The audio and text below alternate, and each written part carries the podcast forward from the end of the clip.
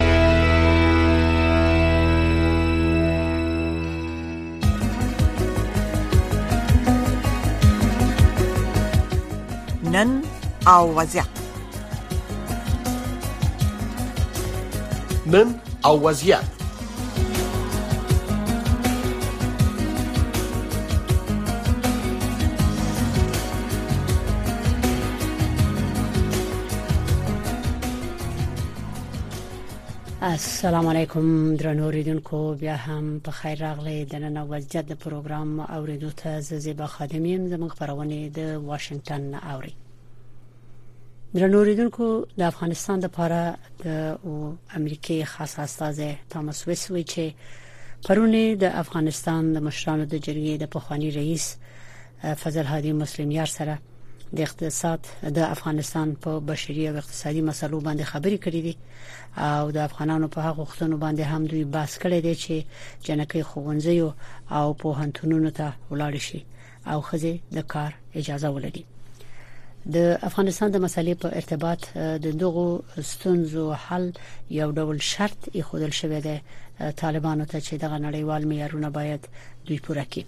د افغانستان د مسلې د حل لپاره د امریکا او اروپאי اتحادیه او نور ملکونو هڅې روانې دي چې یو داسې حکومت پکې جوړ شي چې ټول افغانان پکې وي افغانان په خپل هم کوشش کوي سیمینارونه کانفرنسونه جوړوي چې د مسلې حل پیدا شي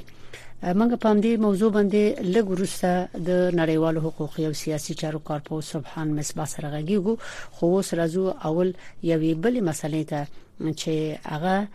په اروپאי هواد بلغاریه کې د افغانانو د سو افغانانو د جسدونو موندل دي د طالبانو وزارت ویلي دي چې ټاکل شوې ده چې په بلغاریه کې د اتل لس افغانانو جسدونه چې موندل شوې دي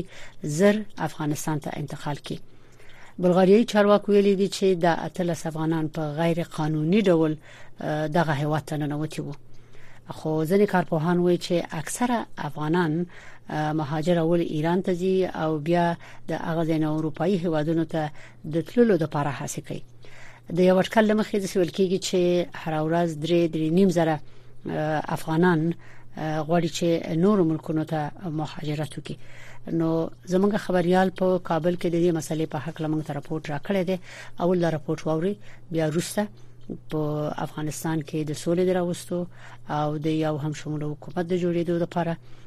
منګه د دغه سولې د حسو لپاره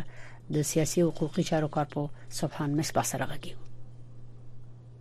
د طالبانو د حکومت د بهرنی چارو وزارت په یوې اعلامیه کې ویلي چې ټاکل شوی په بلغاریا کې په یوه لارۍ کې د اتلس موندل شوو افغان کډوالو جسدونه به د عدلي طب د معاینو د بشپړېدو وروسته افغانستان ته انتقال شي د بهرنیو چارو وزارت ویلي چې تر اوسه د ولس جسدونو پیژندګلوي شوې او د یو پاتې جسد د پیژندګلۍ وروسته به دا جسدونه په یو ځانګړي الوتکه کې کابل ته انتقال شي بلغاري چارواکو د فبرای په ولسمه ویل چې د اتلس تنو کډوالو جسدونه یې په یوې لارۍ کې موندلي چې په غیر قانوني ډول دغه هیواد ته ننوتي وو د بلغاریا د کورنۍ چارو وزارت ویلي چې په دغه لارۍ کې شاوخوا څلوېښت تنو غیر قانوني کډوالو چې د لرګیو لاندې پټ شوي سفر کاوه د نړیوالو ادارو د راپورونو له مخې اکثره افغان کډوال په شتمنو لویدیځو هېوادو کې د ښه ژوند په لټه کې له افغانستان څخه لومړی ایران ته او بیا له هغه ځایه په غیر قانوني لارو ترکیه او له ترکیې څخه یونان او نورو اروپايي هېوادو ته ځي. په ایران کې د افغان مهاجرینو د ملاتړ د یوې ادارې رئیسې آصفې ستانکزۍ امریکا غږ سره په مرکه کې ویل چې ایران ته په وروستیو میاشتو کې د هغو کډوالو شمېر کې ډېر زیاتوالی راغلی چې دغه هېواد ته د ورتګ وروسته بیا نورو هېوادو ته په غیر قانوني لارو سفر کوي. چیزی که من اطلاع دارم این هست که این مهاجرین با توجه به مسائل و مشکلات مخصوصا اقتصادی در واقع امنیتی حالا فرهنگی اجتماعی و همچنین محدودیت های بیشماری که بالای زنان افغان در افغانستان اتفاق افتیده باشن خب افغانستان بخوان ترک کنن مېرمن ستانکزۍ وایي چې دا افغان کډوال پر دغو غیر قانوني لارو د ژوند له لاسه ورکولو د ګواښ په ګډون د ډول ډول ګواښونو او ستونزو سره مخ دي دا وایي چې ځینې قاچاقبران افغان کډوال پر دغو لارو برمته کوي او کورنیو ته د ویډیوي پیغامونو له لارې د هغوی د خلاصون په بدل کې ورڅخه پیسې غواړي گزارشی که برای خود من رسیده یکی از مهاجرین که در ترکیه مثلا هستش اصلا مسیر ایران به صورت غیرقانونی به ترکیه رفته در اوجا انقدر در واقع او مهاجر در واقع زربوشت کردن که یک کلیپ هم فرستادن به خانوادش که یا 8000 دلار پول بفرستین یا اینکه ما میکشیم ایران د طالبانو د حکومت د مهاجرینو او ستنېدونکو چارو وزارت ویاند عبدالمطلب حقاني د تېرې پنجشنبې په ورځ خبریالانو ته په یو ویډیوي پیغام کې وویل چې هره ورځ د افغانستان او ایران ترمنځ د هرات او نیمروز ولایتونو له لارې د دوه زرو او درې زرو پورې افغان کډوال د دغو دوه هېوادو ترمنځ تګ راتګ کوي د ایران هیواد سره زمونږ په دوه سرحدي رسمي دروازو باندې چې یو د میلک دروازه ده یو د اسلام قلا دروازه ده هر ورځ په اوسط ډول باندې د 2000 نه تر 3000 پورې افغانان تګ راتګ کوي په دې وروستیو شپږو میاشتو کې تقریبا تر 200 او 1000 پورې افغانان خپل هیواد ته راستانه شوي دي او د دوی څخه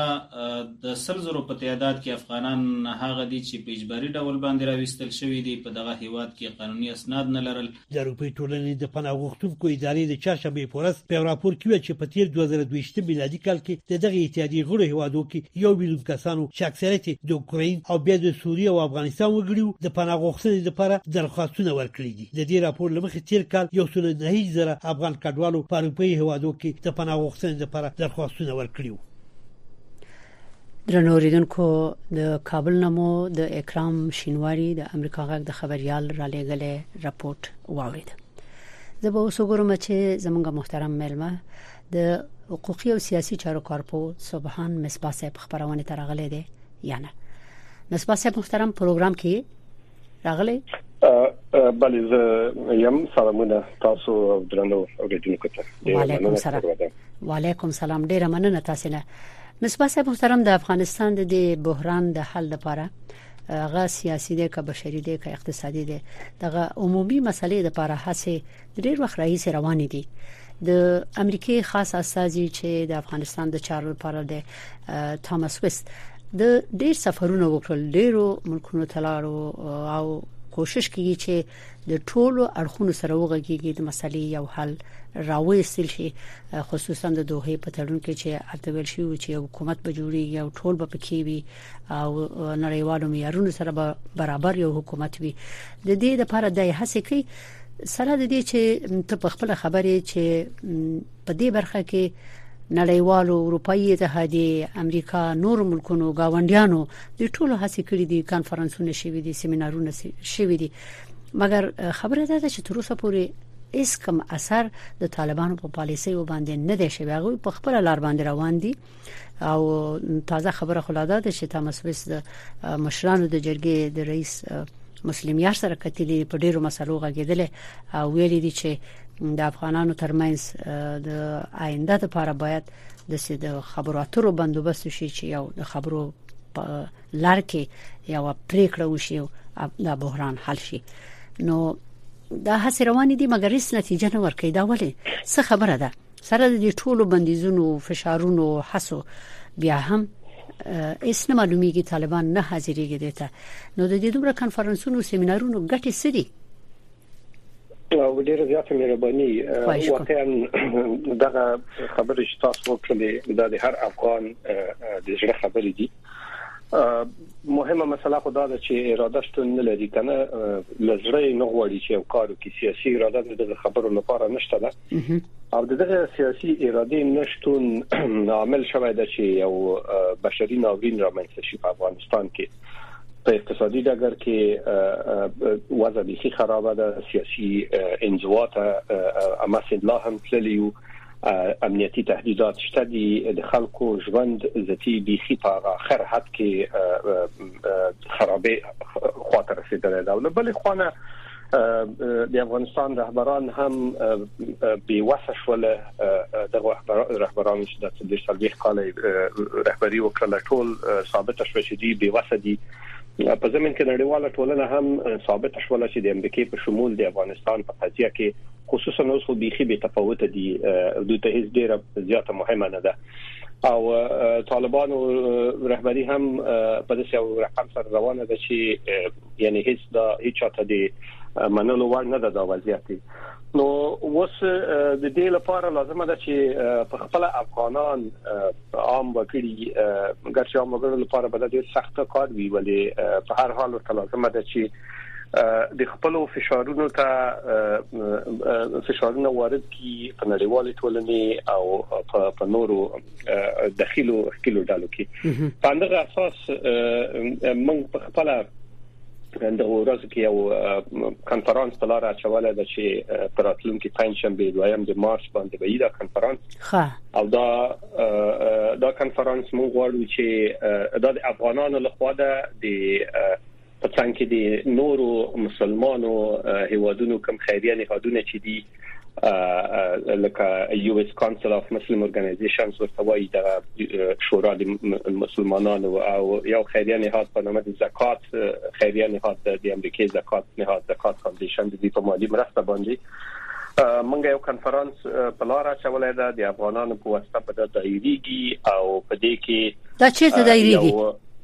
دا کنفرانس په واشنگټن کې په کپټل هل ساحه کې کانګرس ته نږدې او د دې کنفرانس نه اصلي هدف هم دغه ده چې دغه چوپواله دغه ګونګواله چې په 15 د اگست نه را پدې خو چې نظام رنګ شو طالبانو په زور باندې حکومت تر لاسه کړ ولی د وضعیت اقتصادي بحران د سیاسي انزوا د نورو ستونزو لپاره لارې د حل نوي په نظر کې نه نیول کیږي او دا ګونګواله ده نو په دې پروګرام کې به مثلا په ښه حکومتداري د سولې په ټینګښت په انکشاف بشري حقوق خصوصا د خزو په حقوق او په زمين کې دي د خزو دغه ممنوعیتونه او محدودیتونه چې د حقوقو لپاره په نظر کې نیول شوې دي د نړیوال ټولنې نقش او ترڅنګ د په بشري بشر دوستانه او بشري څنګه حقوقو څنګه کې دغه کم ممنوعیتونه چې د نړیوالو لخوا نه د امریکای په شمول د نورو لخوا نه که په بانکونو کې دي که په نور اړخونو کې دي په دغه ټولو مواردو باندې به بحث کیږي په دې کانفرنس کې مونږه د امریکای دولت راغوښته د ملګرو ملتونو نه مو کسان راغوښتي په دې من کې مو د افغانستان خو د امریکای دولت چې وایي معنا افیشل رسمي مامورین دي څوک دي نو موږ خو بلنه له توماس وست تم تم ورکړه رینا ملي تم ورکړه خو خوشنې سره چې موږ تر اوسه کوم جواب نه تر لاسه کړ یعنی دا څه موږ ته بیا څه لګمو خوشنې کوي چې موږ د افغانستان لپاره په ډیره خالصانه توګه په بیطرفانه توګه موږ هیڅ اړ خوري هیڅ نه سیاسي موخه په دې کې نه لرو یوازې د افغانانو په توګه چې الته مو په وطن کې وضعیت ډیر خراب ده یعنی ټول روحي شکنجه سره مخامخ یو د دغه مسایلو لپاره غږ پورته کوو او اډووکاسي کوو یو دادخواهي کوو د افغانانو لپاره فشار واردوو ترڅو نړیواله ټولنه متوجي شي ځکه دا د اوکرين قضيه د نړۍ خصوصا د امریکای توجه ډیره زیاته اخوا تاړولې ده او افغانان 30 میلیونه خلک په عملی لحاظ الته له ډیرو ستونزو سره مخامخ دي او موږ غواړو چې دا مسله د خبرو اترو لاره حل شي ځکه د جنگ لار د تیګ لار د حل نه د سیاسي قدرت د ویش موضوع خلکو ته باید فرصت ورکړي شي چې په آزادانه توګه خبري وکړي بیان ازادۍ لپاره او دا ټول هغه ټول په یو حقوقي چوکاټ کې رامنځته کیږي چې هغه اساسي قانون دی د اساسي قانون لپاره د زمينه مسایل اول په خپل یو یو مهمه مسله ده چې په دې کانفرنس کې باید په نظر کې ونیول شي نو موږ مصباح صاحب محترم دغه عنوانونه چې تاسو بیان کړل کنه مثلا د بیان ازادي سوله انکشاف د خزو حقوق دا چې کوم محدودیتونه دي په دوی باندې دغه مسلې خودغه ملګری ملتونه په دې برخه کې لګیا دي کار کوي د امنیت شورا هم هر وخت په دې برخه کې غونډه کوي پریکړې صادروي امریکا هم هم د غوړي چې په افغانستان کې دغه سی حکومت راشي چې ټول پکې بسیا وي جنگ باندې باید مسله حل نشي باید د خبرو لارې حل شي نو بیا ولې تاسو وایي چې تاسو دعوت ورکړی دی تاسو ته تر اوسه پورې چا دا تایید کړی نه دی چې راځي مثلا تامس ویس اروپا کې ټول ځایونو کې ګرځي غونډه کوي د افغانانو سره کینی نو تاسو ته ځواب نه دی درکړی ملګرو ملتونو تاسو ویلي کاغویم ناراضي دویم ناراضي نو د یو څو کس افغانانو نظر به څه تاثیر وکړي ځکه دا خود د مقاماتو خبره د افغانان خود ته نوی چراغلی هغه تازه مهاجر دي د پخوا چراغلی دي دوی برشي کانفرنس کې بکینی مګر تاثیر به سي نو چې دا د منګه دا پروګرام هم د ناچارۍ لوجه نه ده یعنی یو نیم کال ډیر وخت ده مونږ صبر وکړه د افغانستان وضعیت امنیتي اقتصادي او سیاسي وضعیت د دغه اگست د 15 نه مخکې هم سم نه و بې ثباتي شتون درلوده او عام وګړو عام وګړي الته ډیر زیات لستون سره مخامخ دي نو په دغه 15 شاتلاسو میاشتو شاوخوا کې دا وضعیت یعنی ورځ تر بلې خرابېږي نو اوس مونږ خو منتظر پاتې شولو مثلا توماس وست لاړ حتی په جاپان او په نور هیوادونو کې مجالس خپل وکړ له ټولو هیوادو سره ولیدل ملګر ملتونه هم خپل قطنامه صادري خپل غوونه وچتای خو مسله دا ده چې ما خو مخکې ویلي چې د یوې سیاسي اراده د نشټون له وجې نه دغه موارد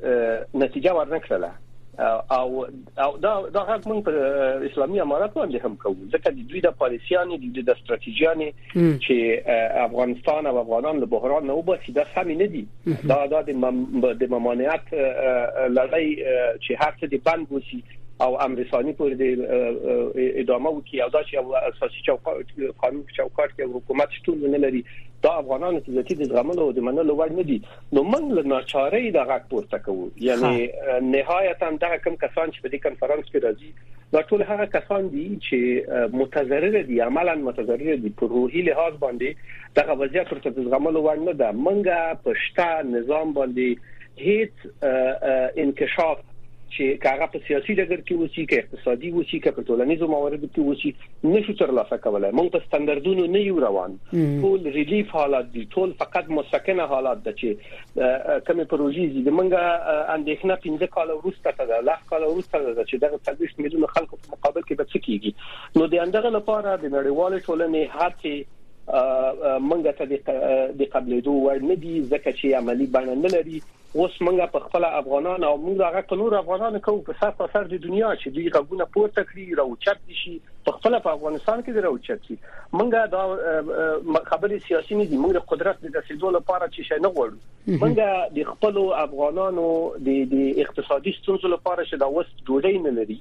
او د دوی دغه سیاسي انزوا چې افغانان که بهر دي که دننه دي یعنی زمونږ د حیثیت موضوع ده په نړیواله سطح باندې تر اوسه پورې یو هیواد هم په رسمیت پیژندل نه ده دا هیواد مونږه امنیتي ستونزې چې اوس هم احساس مسؤلیت څوک نه کوي په هیڅ سر د دنیا کې داعش ډلې نورې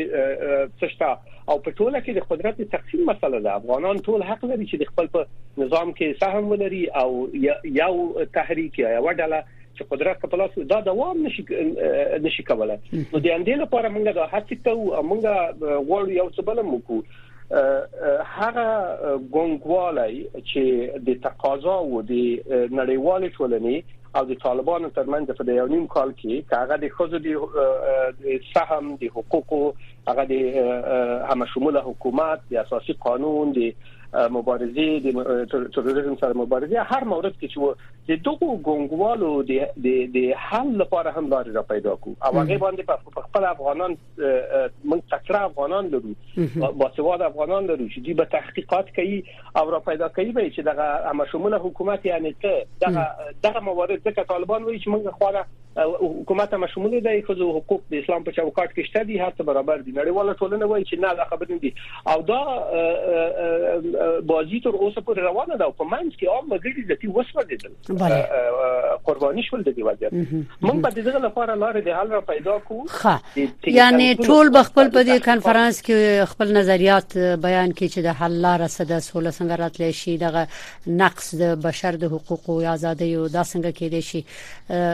تاسو مخکې د طالبانو پالیسي ته چې اشاره وکړه راپورټونه وایي چې نن 1523مه ورځ ده چې جنکې د شپږم صف نه پورته خوندې ته نشي تللې خځې د کار اجازه خو دغه د اواخرو کې فرمان صادر شو اجازه نه لري چې کارو کې غیر دولتي مؤسسو کې کار نشي کولای اوس بیا دومره وخت د میرمنو ویلي چې نارینه په کورو کې ناس دي مرسته او همکاري نه کوي د خزو ترڅنګ نه دريږي خزي یوازې سړکونو ته راوځي مظاهره کوي چې غوناري وهي بیرته زی زریونی ول شي بیرته خوشي شي وې دومره تاثیر نه دی کړی صحیح ده خبرونه نشریږي مګر د مسلې په حل کې کومک نه دی کړی بیا بل خبره ده چې نن د ملګرو ملتونو د بشري مرستو د هماهنګۍ اداره چې ده او چا دی ویل دي چې خزي د خزو تر څنګ ودرېږي تاسو دلته د کانفرنس ته په امریکا کې چې داسه مهاجر افغانان دي دا مداوت کړی دي نه پیغام چې د نورو زینو نم څوک راځي کنه راځي او دلته خو ازادي ده خزي به حتمان په کانفرنس کې وي مګر دغه خبره چې خزه د خزه ترڅنګ ودرېږي د دې معنی څه ده د امریکای حکومت د خپل پیسو د خپل پالیسیو د خپل مسولیتونو په اساس باید د دې مسلې حل راوباسي داسې دغه اصلي ستونزه همدا ده چې دغه مبارزه یا پرمختګ یا د ناخوالو په مقابل کې چې ستونزې را حل شي ستا خبرې په احساساتو مخ ته نه ځي سعید په ځینو شعاري خبرې بکیږي چې احساسات بکیږي ولی د عقل پر بنسټ او د نننی عصري علوم او چې د تجربو پر بنسټ باندې نظامونه او حکومتونه د نړۍ په سطح باندې ولاړ دي په دغه ستاندردونو باندې کار ممکن ده د خزو خزې بل خزو په څنګه ودرېږي یا نه څه دا خو دا لار به حل نه ده ګوري د اساسي حقوقو چې 1540 ورځې افغان افغان نیمایي نفوس محروم کړای ده دا خو د سره د چې د شریعت سره په ټکر کې د اساسي حقوقو سره او د ټولو موارد سره په ټکر کې ده دا یو مورد ده منګه افغانستان په تیر سلو کلونو کې د 1402 کال تر اوسه پورې اته ځله شاوخوا منګه د اساسي قوانینو چیښتنیو او دا اساسي قوانين هغه څه دي چې د ټول نظام تعریفوي اوس کومګه د اخیری اساسي قانون سره شو د 1920 کال له دغه لومړی ماده نه تر یو سل دوه شپېتمه ماده پورې چې په 12 فصلو کې تنظیم شوې ده که هغه د دریګونو قواو مسله ده که هغه کې اداره ده که هغه کې تر ټولو مهمه د خلکو د وګړو اساسي حقوق او مکلفیتونه دي دا ټول تراشو دا هر یو یو ارزښت ده دا چې ارزښتونه دي چې موږ د دې ستراتیژیانې دي چې موږ خپل اهداف ته رسي او دا څه فکر وکړي چې یو نیم کال شو چې دلته خو د دې خزو مسله خو ډیره مطبوعاتي کیږي ولې د دې ترڅنګ منګه مثلا د اساسي قانون کې په لسمه ماده کې د اقتصاد بازار د اقتصاد مسله ده بازار د اقتصاد ته د انویسټمنټ او د سرمایه گذاري هغه به امنیت پورې خاص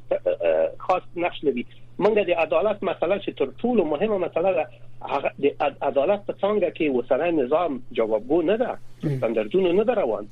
همدغه رقم یعنی د اول نه تر صحیح دی او څو ماده به تشریفاتي بڼه لري او څو ماده به هغه د دوی په اذهانو سره ډیر په ټکر کې وسی نور اساسي قانون نه شریعت سره په ټکر کې ده او نه بلکې یو عاجل او اني ضرورت ده اوس نړیواله ټولنه د دې چې دغه شعاري خبري وکړي چې خځه د خځه خځه سره څه وکړي خځه هلته نو خپل ټول نارینه نه به واسه دي خځه خو لا څه کوي دوی د دغه ستانداردونو پر بنسټ اوس دا بحث ته تعامل چې کیږي څخه طالبان وایي چې موږ مثلا اسلامي امارت وایي چې موږ د تعامل ته آماده یو نو خو د تعامل لپاره د اوس اجندا را مشخصه شي کنه چې په کوم موارد تعامل کیږي ښه مصباح صاحب محترم مصباح صاحب محترم تاسو ویل د مارش په دویمه تاسو افغانان ټول او سو مرستندوی ادارو کومک کړی دی د زکات د فاونډیشن نوم زما په یاد تاسو ویلي چې دوی کومک کړی دی او تاسو د کانفرنس دایره وي او ډیر کسانو ته دعوت ورکړي چې دوی به خبرې کوي د افغانستان وضعیت به ارزیابي کوي دا خو به الته معلومه شي ته په خپل د حقوق او سیاسي علومو د یو مجرب شخص په حیث باندې چې په افغانستان کې د اکبر د مؤسسې د ادارې رئیس وي استاد خو دې وختو کې دلته راغلی او اوس په امریکا کې ته په خپل د افغانستان د مسلې د دې بحران د حل لپاره کوم فرمول لري حتمان خو به تاسو کانفرنس کې موایي خو دغه زمونږ د اوریدونکو تم دا اوس وایي ګوري لارې د حل ډېری دي او ډېری اسانه دي یوازې د فرصت مسله مهمه ده فرمول شته ده فرمولونه نن سبا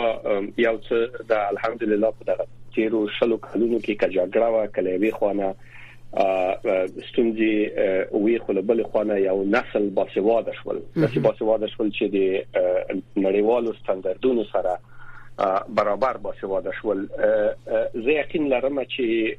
یو عادي کمیسون چې یو یو 50 کسه که با تجربه افغانان پکې راټول شي په یوې هفته کې د سې لار د حل را پیدا کی چې هغه به ډیر مناسب لار د حل وشي یعنی لار د حل او فرمول د یو اساسي قانون شتون ده په دې کې د قدرت د توازن مسله په دې کې د قدرت د انتقال موضوع په دې کې د اساسي حقوقو د نړیوالو سره د اړیکو د بهرنیو سره د سیاست او او دا ټول موارد دا دا ډیره ساده ده ځکه دا تجربه شوی کار دی اول خو افغانستان په خپل سل کال دی د قانونیت تجربه لري چې مدونه توګه شوی دا مسله ډیره اسانه نه زه په خپل په دغه کم کم پوهه کم تجربه باندې په ډیر سادهګۍ باندې د څه یو نقطه ورکول شم چې هدا اقل موږ تاسو د دې یعنی اوس موږ د څه حالت سره مخامخ یو چې بیخي کم سواد او بي سواد کسان په دې پیږي مثلا د مکتب ته د اجازه نه ورکول دي د تر په دې باندې خو هر څوک پیږي چې دا یو یو ناروا عمل ده چې د منګه انجونی خويندې له مکتب نه محروميږي د دې فورمول خو ډیر اسانه ده خو اجازه دی ورکړي شي یعنی په تخنیکی لحاظ او په تیوري لحاظ څنګه نشته ده څنګه په عمل کې دي او دا به منګه یعنی د منګه په دې کانفرنس کې به ډیره توجه د نړیوالې ټولنې باندې وشي تاسو مخ کې ویلې وبخې تاسو مخ کې ویلې چې اراده نشته دا اراده مقصد مو څه دی کوم خوا کې چا کې اراده نشته نو ګوري اراده نه هدف دا ده چې دا خبري ته ډیر به په عادي حالت کتل کیږي نه هیڅ دغه د افغانستان وضعیت یو استراری حالت نه غني افغانستان په استراری حالت کې ده دا چې اسلامي امارات منی کوي نه منی دا چې نړیوالم ټولنه منی کوي نه منی زه د 30 میلیونو افغانانو د زړه خبره کوم هغه ډوډۍ نه لري هغه هغه ورځ تر بلې ځکه امکانات ورته یعنی هیڅ تحمل وړ نه ده دا وضعیت ورته صحیح ده امنیت نسبی شته یو څه کسان به خوشاله یو څه خو په عمومي باندې زباس کوم اوس اراده دا ده چې په تعامل کې تکرازي مثلا د اسلامي امارات سره دغه نقدي مرسته چې کیږي د دغه ترڅنګ یعنی که امریکا وغواړي کنړواله ټولنه وغواړي ډېر زیات لارې د فشار شته دي bale چې وارد کی او کینې یعنی منګه غیر منطقي څه نه غواړو منګه منګه افغانانو ته ټولو ته سهم غواړو منګه د یو څه نه غواړو چې هغه د اسلام سره په ټکر کې ووسی یا د افغاني اور سره په ټکر کې خو موږ شفافیت غواړو موږ وضاحتونه غواړو کلاریټي غواړو په ټولو مسایلو کې چې هر څه واضح وي دغه څه نه دي یعنی اوس حالت ګونګ ده او افغانان او بل مسله دا ده موږ غواړو چې افغانان بیرته سره راټول شي دغه پوی کسان چې خصوصا د اگست ل 15 نه را پدې خو د افغانستان خوشې لاړل د دوه بیرته راغونډول د دوه انسجامول د دې نشه دا راشي په امریکا کې دلته اوبر وچلې په رستورانتو کې کار کوي او دغه رقم سره انرژي ټوله ختم شي له دونه بیرته استفاده وشي بیرته ورته زمينه مساعده شي چې راشي یعنی منګه ټول ټول غوښتنې به سازنده غوښتنې وسی موږ په جنگ او موږ په تقابل باندې په تلويخت 15 کلونو کې نتیجه ورنکړه دا هیڅ امکان نه لري او غوښتنه مو دا ده چې کینی سره بحث ته راشي منطق ته به سره کینو د هر څه منطق چې سم یو یو منظمه شفافه میکانیزم لاره به قدرت مسله کیږي او او د خلکو ته د خدماتو د د وګړو لپاره د مسؤلیت چې سره سم دي په مسؤلیت توګه ژوند کوي مننه ډیر تشکر په امید دي چې کانفرنس مو خطر شي او مفید واقع شي په مخامخه د سیاسي او حقوقي نړیوالو چارو کارپو سبحان مصباح صاحب کورمدان چې خبرونه تراغلي په مخامخه